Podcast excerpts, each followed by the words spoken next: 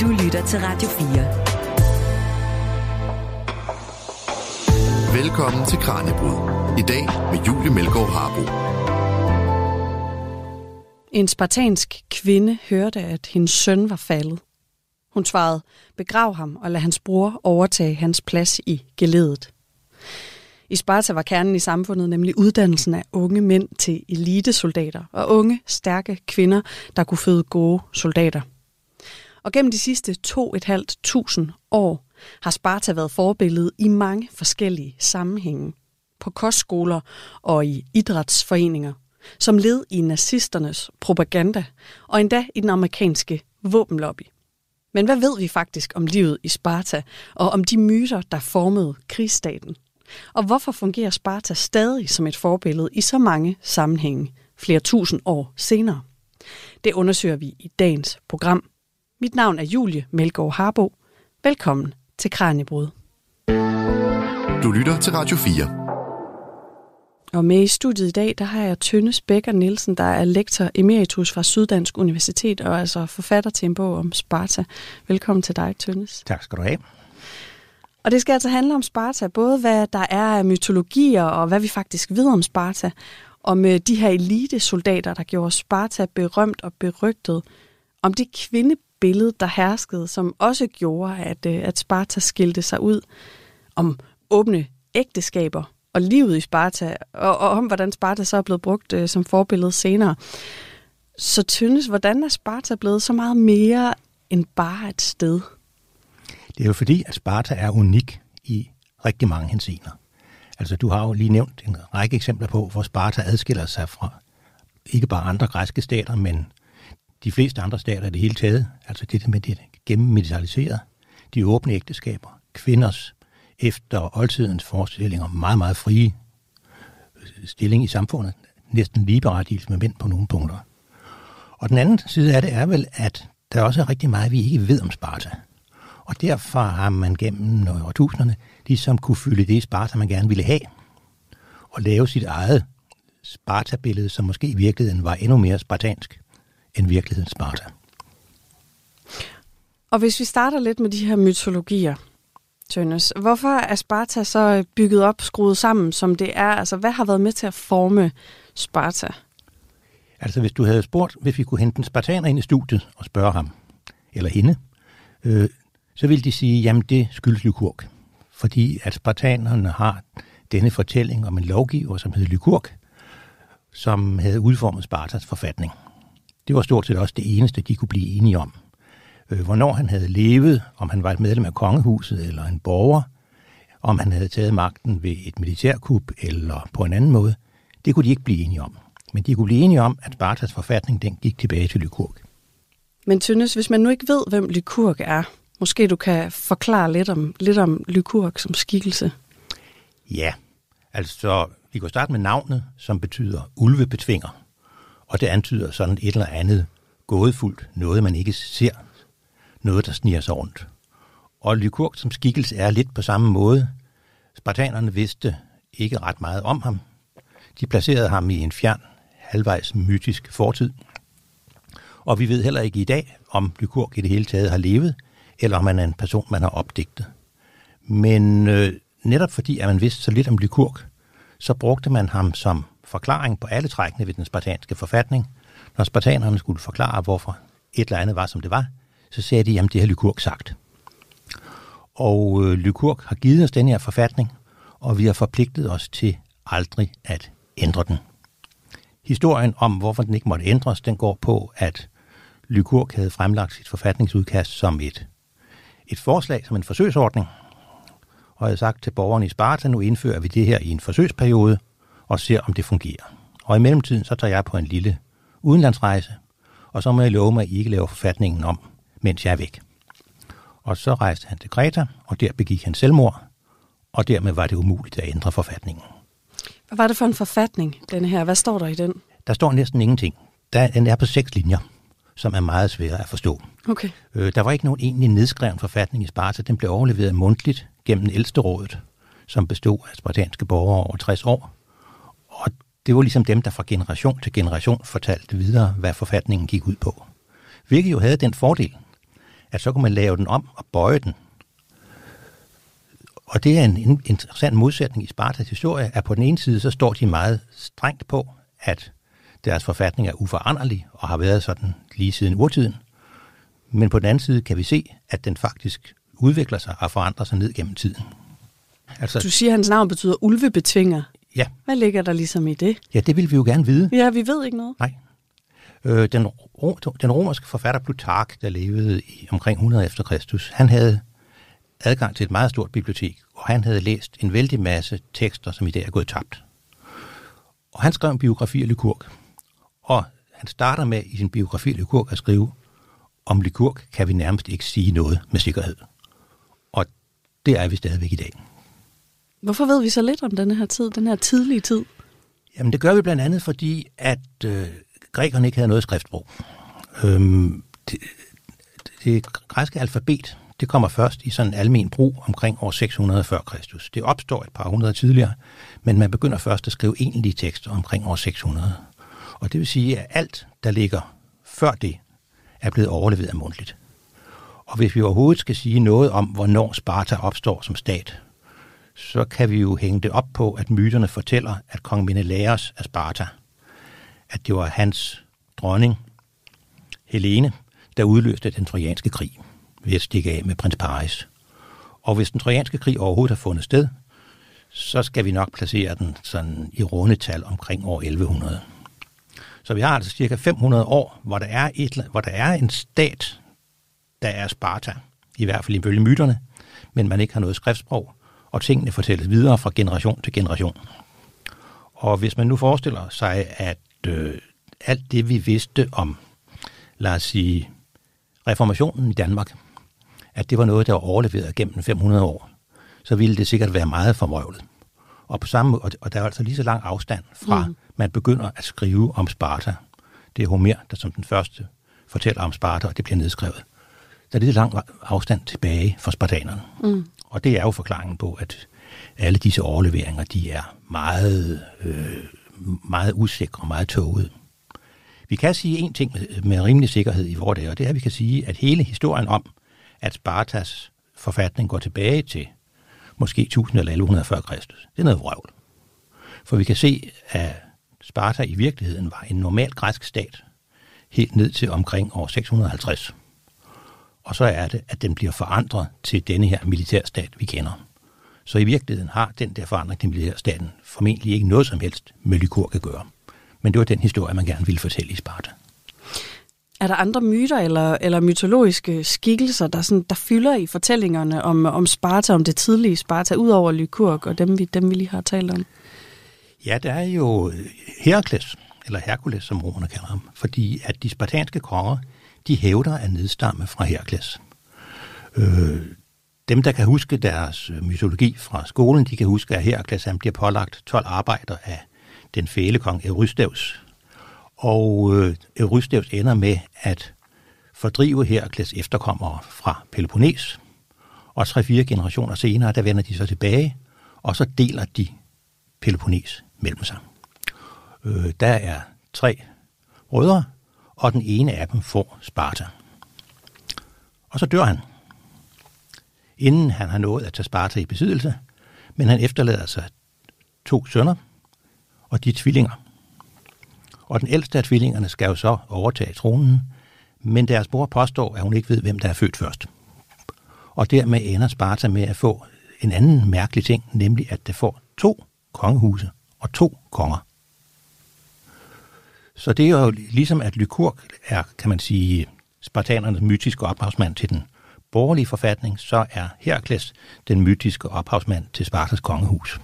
Og det vedbliver at være meget vigtigt for de spartanske kongers identitet, at de nedstammer fra den store held Herakles.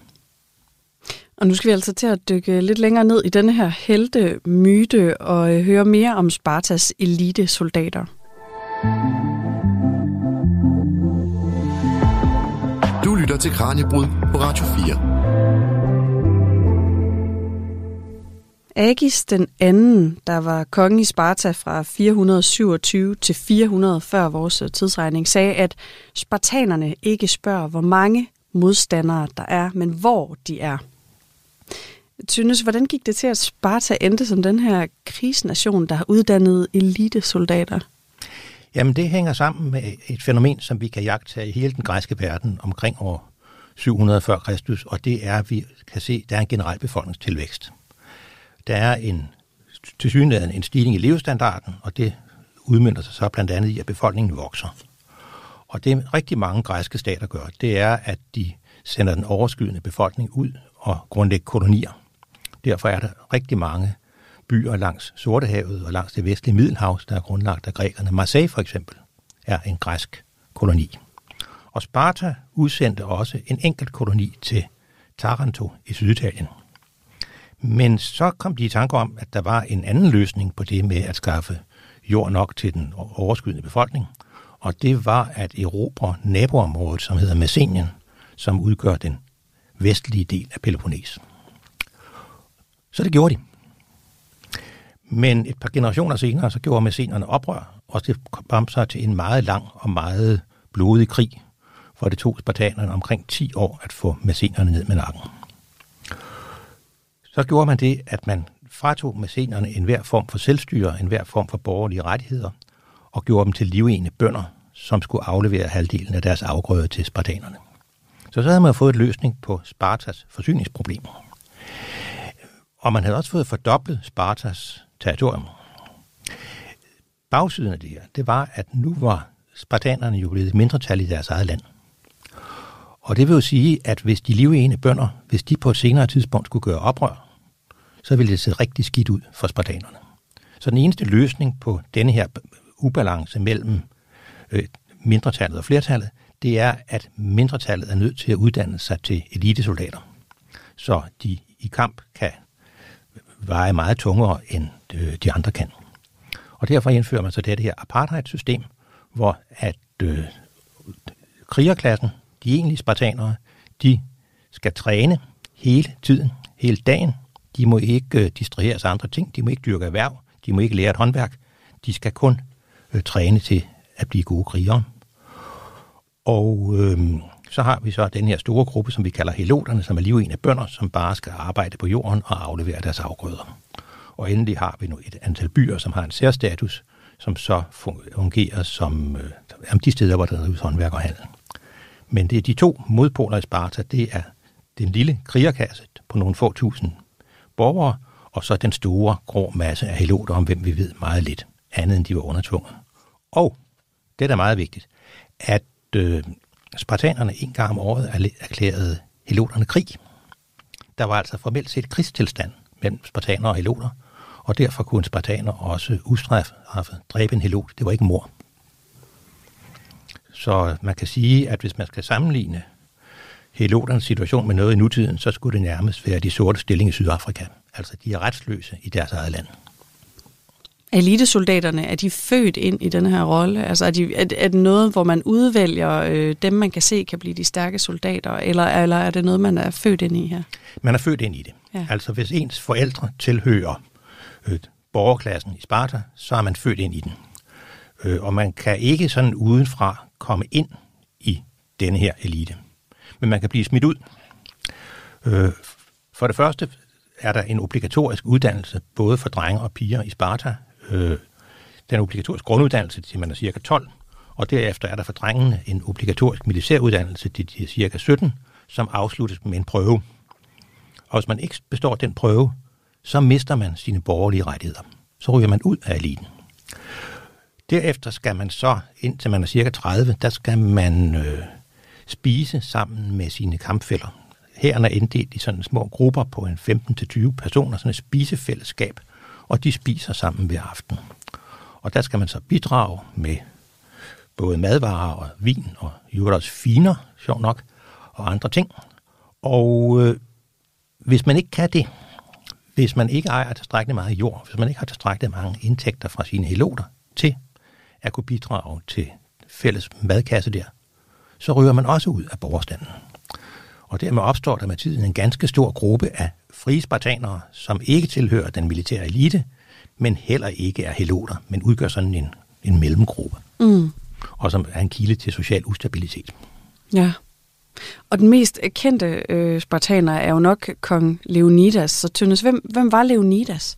Og hvorfor er, han, hvorfor er han så god en repræsentant for den her, den her heldemyte?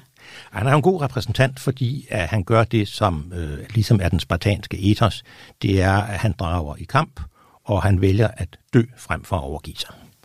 Og det er jo i virkeligheden de der øh, ganske få uger af Leonidas liv, der har gjort ham til den mest berømte spartanske konge nogensinde. Øh, historien er jo, at øh, perserne rykker frem, vi er i 480 f.Kr., og perserne rykker frem nordfra med en kæmpe stor hær, og der er sådan set kun tre steder, man kan stanse denne her her, fordi at grækerne kan ikke på nogen mulig måde stille en øh, styrke op, der kan matche perserne.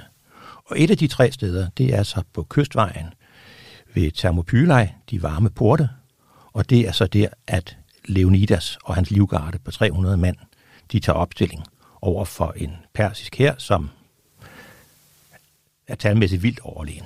Altså, de græske historikere siger, at der var en million. Det var der sikkert ikke, men der var måske været 100.000 persere mod 300 spartanere. Og dermed er det jo også øh, nærmest, altså det er jo en dødsdom at tage med til Thermopylae. Det ved Leonidas også godt, fordi at da han tager hjemmefra, der spørger hans kone, hvad hun skal gøre. Og så siger han, øh, gift dig med en god mand og få børn. Underforstået, jeg kommer ikke tilbage. Men hvordan så de her slag ud? Altså, hvordan blev de udkæmpet? Hvis, her har vi et eksempel på, på, øh, på et slag, hvor de er i massivt undertal. Men øh, er det det typiske, vi ser i, i de slag, som spartanerne er med i? Ej, normalt så ville de jo være meget, meget mere ligeligt matchet. Det her er jo en helt usædvanlig situation, og det er jo så også derfor, den er gået ned i historien. Mm. Den normale form for krigsførelse, det var øh, det, man kalder falanksen. Altså, hvor soldaterne står i en meget tæt formation, de har ret meget kropspanser på. De har også et stort skjold. Skjoldet har man på venstre arm, og det er cirkulært, og det dækker sådan cirka halvdelen af ens krop. Altså det dækker den venstre halvdel af kroppen, og så dækker det højre halvdel af sidemandens krop. Og så man så står der, skulder ved skulder, så at sige, og skjold ved skjold, så udgør man jo noget, der næsten ligner et plankeværk af skjold, som det er meget svært for modstanderne at bryde igennem. Den eneste, der ikke er så godt beskyttet. Det er jo ham, der står aller yderst til højre, fordi han har ikke nogen person til højre for sig. Og det er derfor, det er den mest ærefulde plads i geledet. Det er yderst til højre, det er der, at kongen normalt står. Og så marcherer man langsomt frem. Øh, man kan ikke løbe, fordi rustningen er meget tung, så man marcherer langsomt frem. Og i den anden øh, retning, der kommer så modstandernes falangs, og så tørner de sammen. Øh, og så gælder det jo så om, at falangsen holder. Den, der holder, og den, der har mest kraft, vinder. Og falancen er mange, mange geleder dyb. Der, der, der står ikke bare en række, men mange rækker. Dem, der er længere tilbage, de kan, de kan jo ikke se, hvad der foregår. Så deres funktion er egentlig bare at skubbe på og skubbe de forreste frem.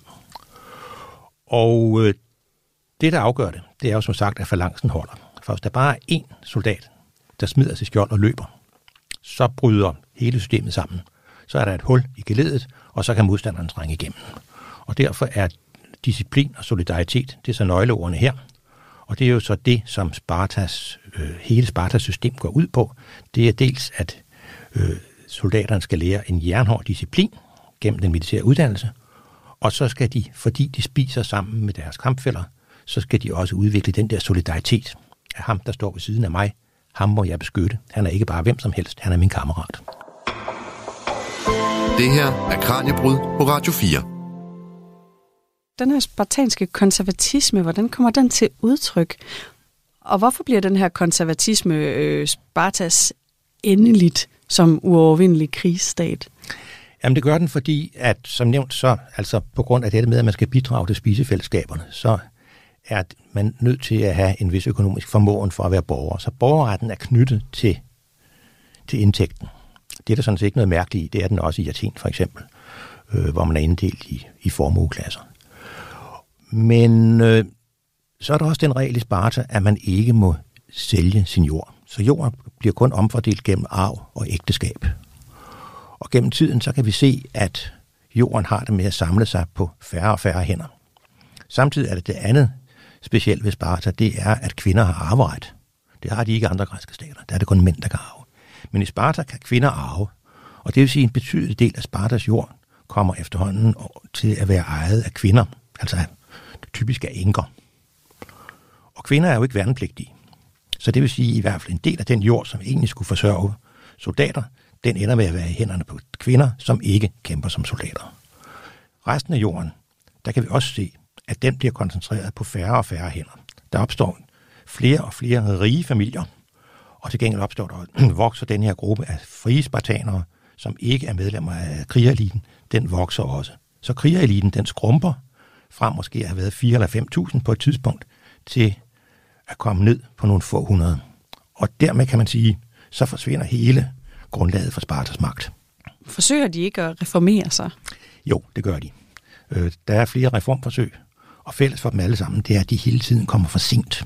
Mm. Altså, man er en omgang for sent ude. Der er, to, der er to problemer. Det ene problem, det er jo naturligvis, at dem, som er blevet rige ved den her proces, de store jordejere, altså de har jo ikke lyst til, at der skal laves reformer, og de skal afgive noget af deres jord. Det andet problem, det er jo, at man når som helst kan blokere ved at sige, jamen hov, nu piller du ved Lykurgs forfatning, det må du ikke. Mm. Og det gør, at det er meget, meget svært at gennemføre reformer. Det er egentlig først, når vi når helt ned i 200-tallet, at der bliver gennemført reformer, og de bliver gennemført ved, at kongerne, to af kongerne reelt foranstalter det, man ville kalde et militærkup. Og så tvinger reformer igennem. Og den sidste af disse her øh, reformkonger, Kleomenes, det lykkedes ham faktisk at genrejse Sparta. Han laver et nyt system for de her spiseklubber. Han laver mulighed for, andre kan komme ind i eliten og blive soldater i Sparta. Selv udlændinge kan komme ind, hvis de er i god fysisk form. Og han får så simpelthen rejst, genrejst Spartas her. Øhm, men han har så det problem, at han har nogle meget magtfulde modstandere, som ikke synes, at det er nogen særlig god idé, at Sparta skal øh, blive en stormagt igen, navnlig makedonerne.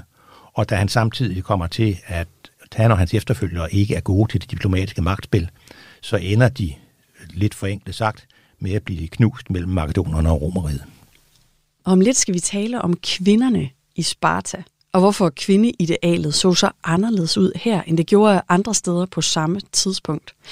Kvinderne dyrkede for eksempel idræt nøgne, og så havde de i nogle tilfælde mere end en mand med i ægtesengen.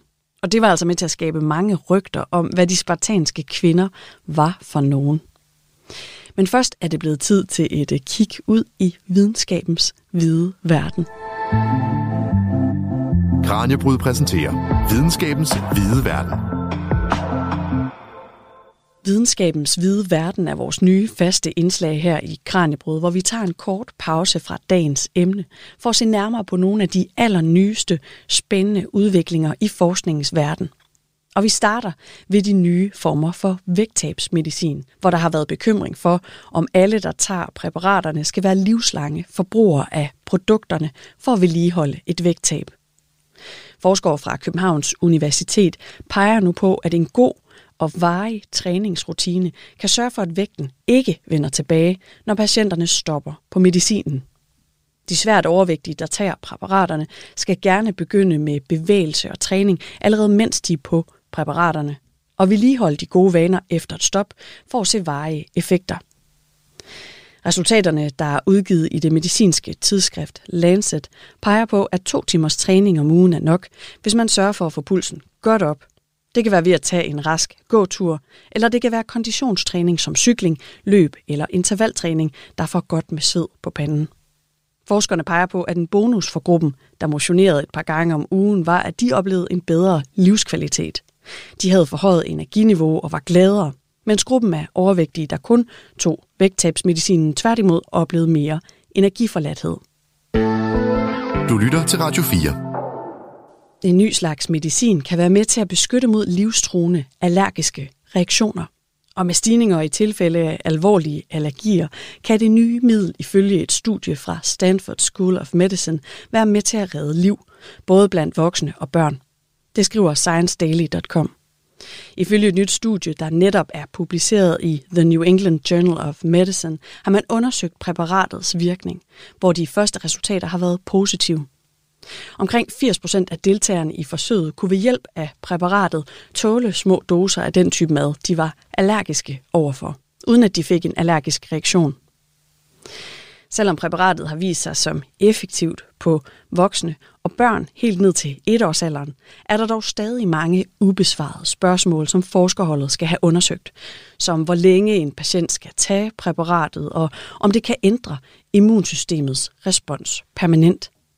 Det var alt fra videnskabens hvide verden. Nu vender vi tilbage til Sparta og de spartanske kvinder. Du til Kranjebrud på Radio 4. Mit navn er Julie Melgaard Harbo, og i dagens Kranjebrud, der dykker vi ned i, hvad vi ved om livet i Sparta. Og om de myter, der formede krigsstaten, og hvordan Sparta blev et forbillede i eftertiden i mange forskellige sammenhænge. Med i studiet har jeg lektor emeritus fra Syddansk Universitet, Tønnes Bækker Nielsen. Og synes, vi skal tale lidt mere om de her spartanske kvinder, for de fylder altså også ret meget i fortællingerne om Sparta, og øh, det er der jo gode grunde til. Hvilken rolle spillede øh, kvinderne i det spartanske samfund? Hvad, hvad var deres opgaver? Deres opgave var øh, at føde sunde unge drenge, der kunne blive gode soldater, og sunde unge piger, der i deres tur igen kunne føde sunde unge drenge, der kunne blive soldater. Og det er også med til at give dem en fuldstændig anden status og en fuldstændig anden livsform end kvinder i andre græske stater. Øh, blandt andet fordi, at de normalt var jævnaldrende med deres mænd. Øh, man blev gift, at piger blev gift, så de var sådan, øh, sådan 17, 18, 19, 20 stykker, og det var også omkring det tidspunkt, hvor drengene blev gift. Og det var usædvanligt efter græske forhold, fordi at de andre græske stater, for eksempel Athen, der var det almindeligt, at, at piger blev gift endnu tidligere, helt ned ved 15-16 års alderen, og at mænd normalt blev gift omkring de 30. Så der var en stor øh, aldersforskel. Altså piger blev gift med mænd, der næsten kunne være deres fædre. Og vi kan også se, at forholdet mellem mand og kvinde, for eksempel i Athen, det, altså athenske mænd var vant til at behandle deres koner lidt som om de var børn. Men sådan er det ikke i Sparta. Der er man aldersmæssigt ligestillet, og det er man også juridisk på en række punkter, blandt andet dette med, at kvinder kan arve og kan have deres egen ejendom. Og så er der endelig dette med, at kvinder skal være sunde, så de kan føde sunde børn, og derfor skal de, mener spartanerne, sørge for at komme ud i den friske luft og dyrke gymnastik. Øh, gymnas betyder nøgen, og som du sagde, så gymnastik dyrkede man nøgen, både drenge og piger, og det var jo noget, som var fuldstændig utænkeligt i andre græske stater, for eksempel i Athen, der gik kvinder ikke ret meget ud, og hvis de gik ud, så var de nærmest tildækket fra top til tå, og ofte også tilsløret. Yderligere en ting, der var med dette med at føde sunde børn, det er, at det kan jo forekomme, at man ikke kan få børn, hvis manden ikke er i stand til at gøre konen gravid. Og der havde man så i Sparta den regel, at hvis det var tilfældet, eller hvis manden var usædvanligt gammel i forhold til konen, det kunne altså forekomme, så havde konen lov til i samråd med manden at tage sig en elsker udefra, som så kunne gøre hende gravid, så hun kunne få nogle børn. Hvorfor var de spartanske kvinder lige lidt ældre, end de var andre steder på det her tidspunkt? Jamen det var igen dette med, at man jo godt for, i hvert fald efter hvad kilderne fortæller, så er man klar over, at det ikke er specielt godt for piger at blive møder som 15-16-årige. De må gerne være lidt ældre, hvis de skal føde sunde børn. Så også fordi man, øh, man tænker, at de har et ansvar på en anden måde, end man har tænkt andre steder. Du siger også, at man, man tit talte til kvinder, som om de var børn. Jamen det giver så også sig selv, kan man sige, at spartanske kvinder har et ansvar, fordi de jo meget ofte er alene. Altså manden er i felten, eller manden spiser sammen med sine soldaterkammerater hver aften, det er jo obligatorisk. Så kvinderne har været meget alene med ansvaret for at få husholdningen til at fungere. Og det har jo også været med til at øge deres selvstændighed. Plus det, at øh, ganske mange kvinder blev enker i en ret ung alder, og dermed fik de jo også en selvstændig stilling. I andre græske stater, der var det sådan, at enker faldt tilbage til deres fars myndighed. Men sådan var det ikke i Sparta. Du, du nævnte før, at, at kvinder, hvis, hvis man ikke oplever at, at blive gravid som spartansk kvinde, så kan man øh, få en anden mand med ind i ægteskabet mm. til at hjælpe her.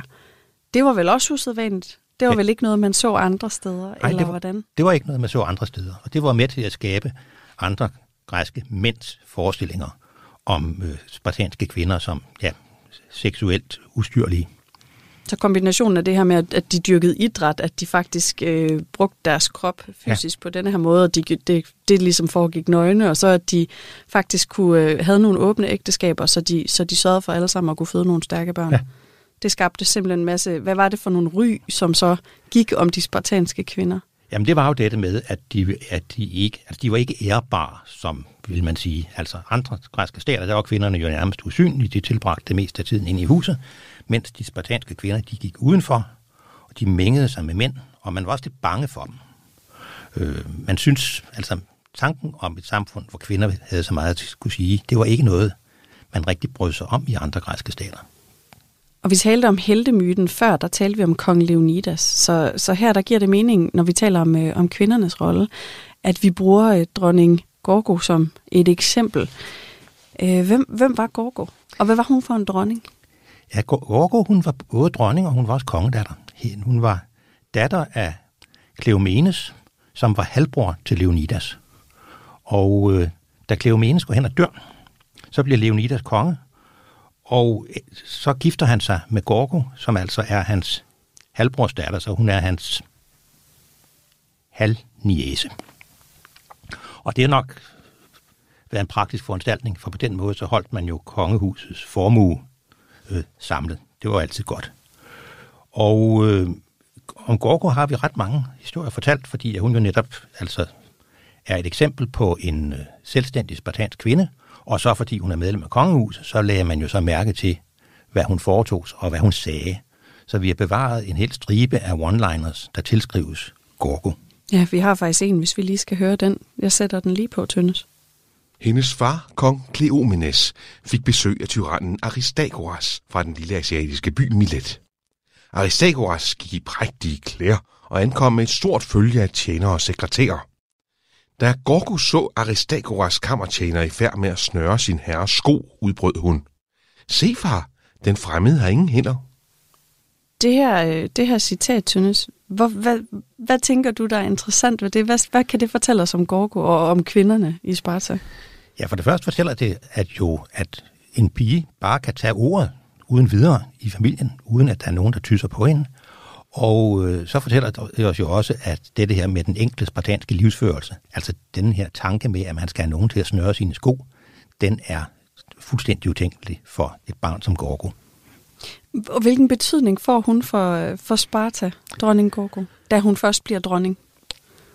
I virkeligheden får hun ikke så meget betydning. Hun får betydning for eftertidens billede af Sparta, fordi hun er, altså hun er jo med i fortællingen om Leonidas, men i virkelighedens verden, så får hun meget lidt betydning. Hun føder en søn, som også bliver konge i en periode. Han dør ret ung. Men ellers har hun egentlig ikke sat noget, hvad vi kunne kalde sådan et konkret aftryk på historien. Det er mere som en, en helteskikkelse eller en heltindeskikkelse, at hun bliver husket. Og så naturligvis som et eksempel på det her med den spartanske, den her tørre, lakoniske humor, som vi kalder det, fordi Sparta ligger i Lakonien. Det er mere at kunne sige noget på en kort og klar og enkel måde. Og vi har jo talt om det her med, at andre steder, der er kvinder altså ikke nogen, der, har, der tager ordet. Det er ikke nogen, man, man hører fra, det er ikke nogen, man ser. Øh, kvinder er mere usynlige andre steder på det her tidspunkt. Men hvordan, altså, hvordan er ære sig ikke noget, øh, der kun ligger på kvinden her i Sparta? Fordi det er det jo, som jeg forstår det, andre steder. Der er ære, det er sådan noget, man snakker om, at det er noget, en kvinde kan skade. Men i Sparta, der er ære altså lige så meget et begreb, man bruger i, i forbindelse med mændene. Ja, Altså Sparta er jo ligesom andre græske stater et, et æreskampsamfund, som vi kalder det. Og det, der er interessant ved det, det er, at i de fleste græske stater, eller stort set alle andre græske stater, er, som du siger, så er ære det er noget, mænd har. Og mænd kan opbygge ære, det er en slags kapital, man opbygger, og mænds ære kan tage skade, hvis de gør noget dumt eller fejt. Og så kan mænds ære tage skade, hvis mænd ikke kan styre deres kvinder. Altså i Athen, hvis øh, en mands kone er utro, så krænker det mandens ære. Ikke kvindens ære, for hun har ikke nogen, men mandens. I Sparta, der har både mænd og kvinder ære. Og det værste, der, den værste ting, der kan ske, den værste skam, der kan overgå en spartaner, fordi det er en militærstat, det er at opføre sig fejt i en kampsituation. Så bliver man udstødt af fællesskabet. Der er ikke nogen, der vil have noget med en at gøre. Øh, man kan man kan for eksempel ikke, altså hvis man færdes på gaden, er der ingen, der vil tale til en. Man kan gå udenom en, og man bliver naturligvis også udstødt af sit spisefællesskab. Men det interessante er så, at den her skam, der knyttes til at være fej i geledet, den falder ikke bare på manden selv, men den falder også på kvinderne. Hvis man er en fej kriger, det der kalder en træsas, så kan ens søster ikke blive gift. Der er ingen, der vil giftes med, bro, med en søster til en træsas for eksempel. Fordi man tænker, så ligger fejheden i generne. Ja, det er et godt spørgsmål, om det er det, man tænker, men skammen er der i hvert fald. Mm. Øh, og det her har jo betydning øh, i det øjeblik, at man står ude i geledet der, i første række i falangsten, og ser de andre komme, og tænker, at det var egentlig rart bare at stikke af. Så tænker man også, at hvis jeg stikker af, så falder straffen jo ikke bare på mig. Den falder også på mine søstre, der ikke kan blive gift, og mine efterkommere, som vil, vil blive husket som efterkommere af Andreas osv. osv.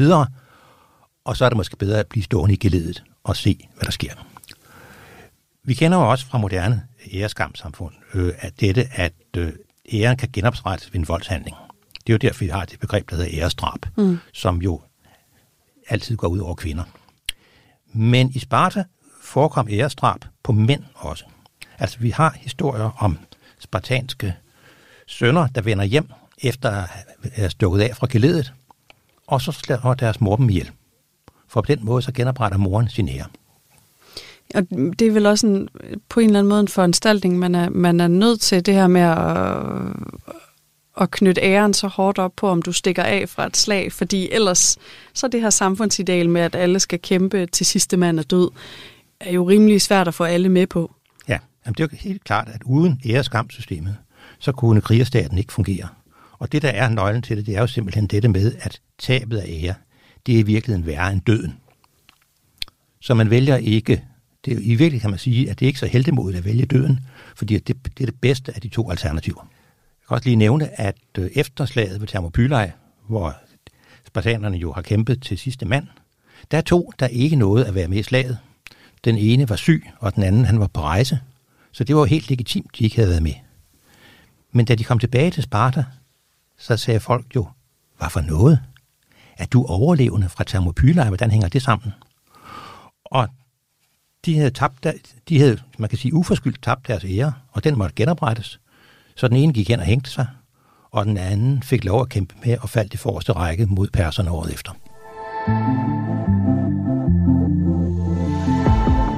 Du lytter til Kranjebrud på Radio 4.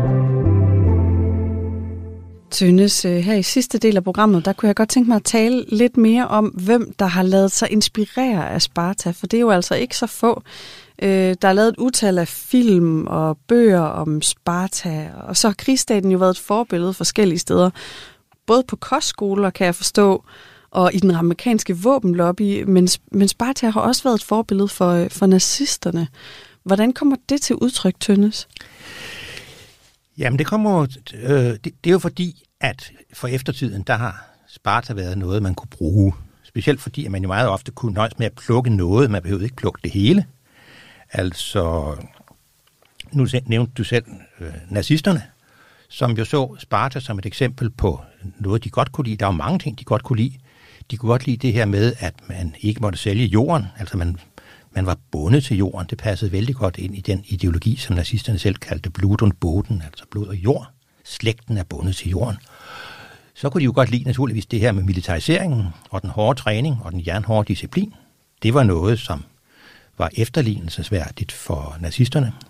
Og der blev også, man havde i Nazi-Tyskland nogle eliteskoler, de såkaldte Adolf Hitler-skoler, og til disse her skoler, der blev simpelthen udarbejdet lærebøger om Sparta. Og så var der jo ting, som man ikke kunne bruge til noget. Det der med kvindernes ligestilling, det var ikke noget, nazisterne gik så meget ind for, så det, det kunne man bare gemme væk. Men de spartanske åbne ægteskaber kunne til gengæld bruges til at øh, legitimere det interessante system, man også havde i Nazi-Tyskland, der hed Lebensborn, hvor unge piger kunne lade sig, hvad kan man kalde det, inseminere af SS-mænd med henblik på at føde sunde børn, som kunne vokse op og blive gode tyske soldater. Fortalte man simpelthen de unge kvinder her, at idealet var Sparta, altså at man at, at de havde en, øh, en vigtig rolle her brugte man de spartanske kvinder også som et forbillede for de her unge kvinder? Ja, det gjorde man, fordi at man jo sagde til øh, unge tyske piger. Jeg skal lige understrege, at det her var, var noget, de frivillige meldte sig til. Det var mm. ikke sådan, man gik ud og øh, indfangede piger på gader og stræder. Men man sagde til de piger, der meldte sig, at jeres opgave, det er at føde sunde drenge, der kan blive gode soldater, nøjagtigt ligesom de spartanske kvinder. Og dermed så går I, kan man sige, i spartanernes fodspor. Og på, og på nazisternes, de her ungdomsskoler, der laver man den modsatte. Der fortæller man ikke historien om, øh, om de selvstændige kvinder, der fortæller man mere historien om elitesoldaterne. Ja. Ja. Det er noget med, at Göring i en radiotale til de indesluttede tyske tropper i Stalingrad i, øh, i, i januar 1943, han, han bruger Sparta i sin tale. Hvad, hvad går den tale ud på? Det er en forfærdelig tale. Ja. Øh, det, baggrunden er jo, at øh, der sidder en der er, en, der er en tysk her, der er blevet indesluttet i Stalingrad. De har ikke fået nævneværdige forsyninger i to-tre måneder, og de sulter, og de fryser, og de er på randen af sammenbrud. Og talen bliver holdt i anledning af tirsdagen for den nazistiske magtovertagelse i Tyskland. Så det er jo sådan set en festdag, men det er jo ikke særlig festligt med de der soldater i Stalingrad. Øh, så Göring vælger så at gøre det, at han henvender sig. Talen bliver sendt i radioen. Så han henvender sig direkte til soldaterne i Stalingrad og siger, nu skal I høre, I er vortids spartanere. I er efterfølgere til de 300, der faldt ved Thermopylæ, og jeres navn vil gå over i historien for, som eksempel på en heldedød, som eksempel på det højeste, en soldat kan udrette, siger Gøring. Samtidig siger han jo også sådan set også til dem, I kommer alle sammen til at dø. Så det er jo ikke noget, der givetvis er blevet modtaget særlig godt i Stalingrad. Og det ender da også med, at de tyske tropper, de overgiver sig dagen efter. Er Sparta, er Sparta blevet brugt i andre krige, altså for eksempel i Første Verdenskrig, var de spartanske soldater også ligesom et forbillede, man brugt her? Jeg ved ikke, om man har brugt dem som forbillede i selve krigen, men man har jo brugt dem som forbillede på militærakademier verden over. Altså både i USA og England og sikkert også og Frankrig og sikkert også mange andre steder. Øh, og hele det spartanske uddannelsessystem brugte man jo som forbillede, øh, specielt på kostskolerne, der jo i mange lande var dem, der uddannede den kommende elite, der brugte man øh, elementer fra det spartanske uddannelsessystem. For eksempel, at man havde ældre elever som opsynsmænd over de yngre, altså det, vi kender som præfektsystemet fra moderne kostskoler. Eller okay, ikke, det... som, ikke som moderne kostskoler i virkeligheden. Det stammer i virkeligheden fra, fra, fra, fra det spartanske samfund? Ja, ja, det blev, det blev opfundet i slutningen af 1700-tallet af en engelsk kostskolemand, der valgte Sparta som forbillede. Så når kostskoler i dag stadig har det her præfektsystem, så er det faktisk øh, ja, det kan du i med inspiration fra Sparta? Ja, du kan sige, at det går tilbage til Lykurg. Helt tilbage til Lykurg, så der er vi helt tilbage til mytologierne ja, det og er jo forfatningen. det er jo i hvert fald, hvad spartanerne fortæller. Altså, der var jo det her med Sparta, at Sparta havde, som de meget få græske stater, havde de jo et offentligt uddannelsessystem for både drenge og piger. Altså, der var skolepligt. Og igen, modsat andre græske stater, så var det meget prestigiøst øh, embede at være chef for skolevæsenet, det hedder en paidonomos, øh, hvad det ikke var i andre græske stater. Og det er, vi har det her, den her uddannelseselementer har vi beskrevet ret nøje hos øh, antikke kilder, og det er altså, som sagt, det var noget, man læste også i 1700- og 1800-tallet, og der sagde man jo, jamen denne her, det her system uddannede jo en dygtige elitesoldater, og det er jo egentlig også det, som kostskolerne skal. De kan måske ikke lægge helt så meget vægt på det militære, men vi skal lægge vægt på disciplin, selvdisciplin, øh, fysisk styrke osv., så, så vi kan bruge mange af disse her spartanske elementer. Hvad med hele den her idé om ære? Er den også fulgt med op i sådan øh, kostskoleidealerne? Uh, nu har jeg jo aldrig selv gået på kostskole. Nej. øh, så det er lidt svært at svare på. Men ja. generelt kan man sige, at øh, altså, man plejer at sige, at det, der sker i i Vesten, det er, at æreskamsamfundet forsvinder med kristendommens indførelse, og i stedet for får vi et skyldsamfund. Altså man kan sige, at i det gamle samfund, der er det at gøre noget forkert, det er en affære mellem dig og kollektivet. Øh, i, med kristendommens indførelse, så bliver det at gøre noget forkert, det bliver en affære mellem dig og Gud. Og dermed fortrænges æreskamsystemet i, øh, i, de vestlige, i de vestlige samfund. Men et eller andet har det, det her præfektsystem jo gjort ved magtbalancerne. I hvert fald det, man kan forstå på nogle historier, der er kommet ud af de her mm. kostskoler her sådan i nyere tid også. At, øh, at det har i hvert fald haft en, en stor effekt på magtbalancen internt. Ja, og det, er jo, og det er jo efter, hvad man kan læse i medierne, så er det jo også meget ofte blevet misbrugt. altså præfekter har misbrugt deres stilling. Og det er nok, det ved vi jo ikke, men det er nok ikke sikkert, det forekom så meget i Sparta, fordi at der var en meget højere grad af øh, gensidig kontrol i Sparta end i de moderne samfund. Mm. Og når vi nu bevæger os op mod nyere tid, så er der også øh, den amerikanske våbenlobby, vi lige kan kaste blikket på. Hvordan har de øh, brugt Sparta som sådan et forbillede eller en inspiration? Jamen det, de bruger, det er en helt bestemt lille episode, mm. øh, og det er netop fra slaget ved Thermopylae, hvor det fortælles, at Xerxes, øh, perserkongen Xerxes, han efter at have ventet et par dage på, at spartanerne skal overgive sig, hvad de ikke gør, så sender han en, et, en, øh, en kurér over til Leonidas med et brev, hvor der står i alt korthed, der står, aflever jeres våben. Og så tager Leonidas brevet og vender det om og skriver på bagsiden, Molon Lappe, kom selv og tag dem. Og så sender han budbringeren tilbage igen. Og det her, øh, kom og tag dem, come and take them, det er så blevet den amerikanske våbenlobbys slogan, øh, fordi at de siger til dem, der vil begrænse adgang til våben, come and take them. Og øh, altså, der produceres t-shirts, hvor der står Molon Lappe på græsk, nogle gange med stavefejl i. Altså, der er også øh, der, er, der er flere forskellige foreninger, som indgår i den her våbenlobby, og der er også nogle af dem, der har en spartansk kriger med fjerbusker hjem som deres, øh, som deres bomærke. Så det er noget, der i allerhøjeste grad øh, er levende. Og det er jo så samtidig, knytter det jo også an til helt, altså begrundelsen for fri adgang til skydevåben i USA er jo, at man siger, at vi har det her andet tillæg forfatningen, hvor at hvis man vil have en ordentlig borger her, så må man ikke begrænse borgernes adgang til våben.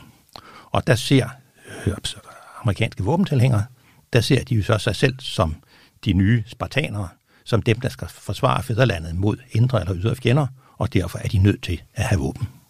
Altså, så de her elitesoldater har simpelthen fungeret som forbillede i så mange forskellige sammenhænge og for så mange mennesker.